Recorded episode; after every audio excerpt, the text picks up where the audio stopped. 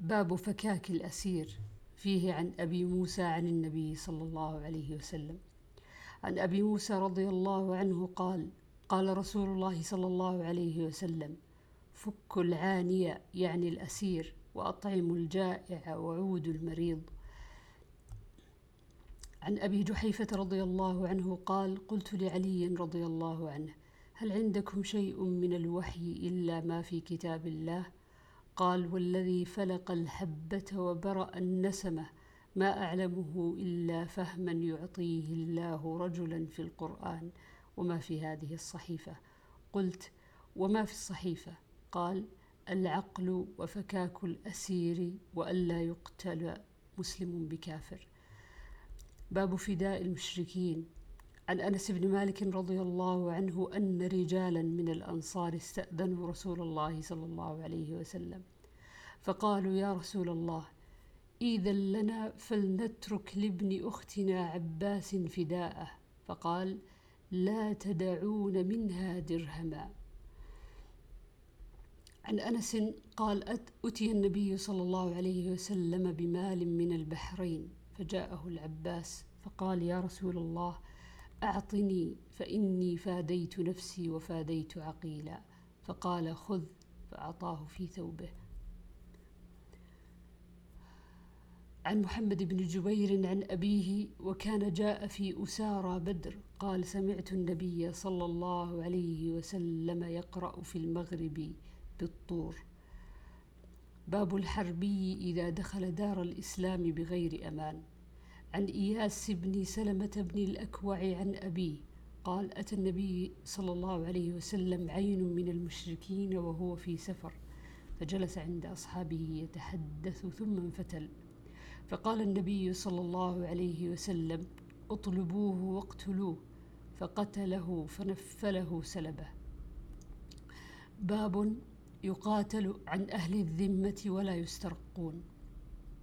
عن عمر رضي الله عنه قال وأوصيه بذمة الله وذمة رسوله صلى الله عليه وسلم أن يوفى لهم بعهدهم وأن يقاتل من ورائهم ولا يكلفوا إلا طاقتهم. باب جوائز الوفد. باب هل يستشفع إلى أهل الذمة ومعاملتهم عن ابن عباس رضي الله عنه أنه قال يوم الخميس وما يوم الخميس؟ ثم بكى حتى خضب دمعه الحصباء. فقال اشتد برسول الله صلى الله عليه وسلم وجعه يوم الخميس. فقال ايتوني بكتاب أكتب لكم كتابا لن تضلوا بعده أبدا فتنازعوا ولا ينبغي عند نبي التنازع. فقالوا هجر رسول الله صلى الله عليه وسلم. قال دعوني.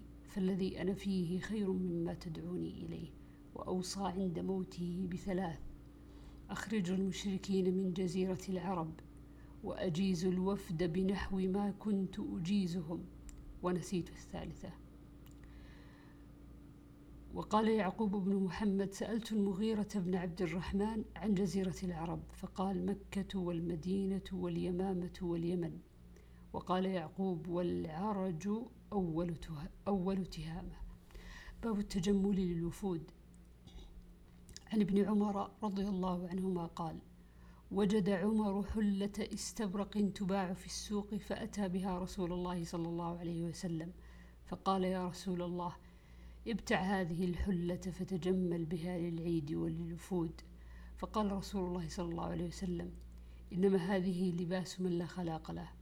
أو إنما يلبس هذه من لا خلاق له فلبث ما شاء الله ثم أرسل إليه النبي صلى الله عليه وسلم بجبة ديباج فأقبل بها عمر حتى أتى بها رسول الله صلى الله عليه وسلم. فقال يا رسول الله قلت إنما هذه لباس من لا خلاق له أو إنما يلبس هذه من لا خلاق له ثم أرسلت إلي بهذه فقال تبيعها أو تصيب بها بعض حاجتك. باب كيف يعرض الإسلام على الصبي. عن ابن عمر رضي الله عنهما أنه أخبر أنه أن عمر انطلق في رهط من أصحاب النبي صلى الله عليه وسلم مع النبي صلى الله عليه وسلم قبل ابن صياد حتى وجدوه يلعب مع الغلمان عند أطم بني مغالة وقد قارب يومئذ ابن صياد يحتلم.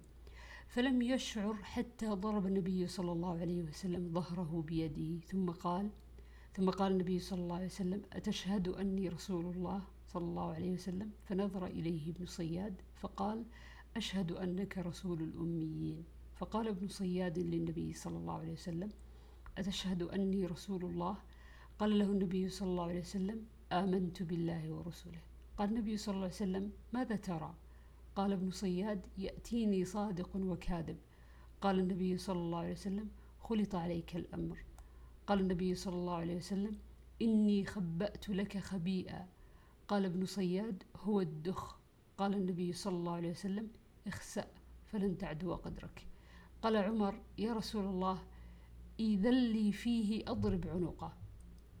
قال النبي صلى الله عليه وسلم إن يكنه فلن تسلط عليه وإن لم يكنه فلا خير لك في قتله. قال ابن عمر انطلق النبي صلى الله عليه وسلم وأبي بن كعب يأتيان النخل الذي فيه ابن صياد حتى إذا دخل النخل طفق النبي صلى الله عليه وسلم يتقي بجذوع النخل وهو يختل ابن صياد أن يسمع من ابن صياد شيئا قبل أن يراه. وابن صياد مضطجع على فراشه في قطيفة له فيها رمزة.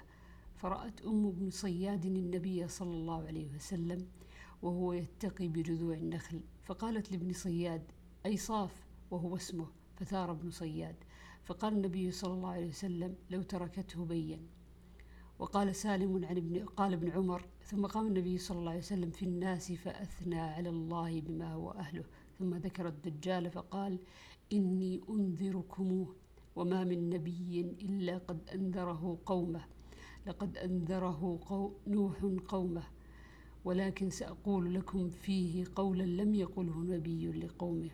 تعلمون أنه أعور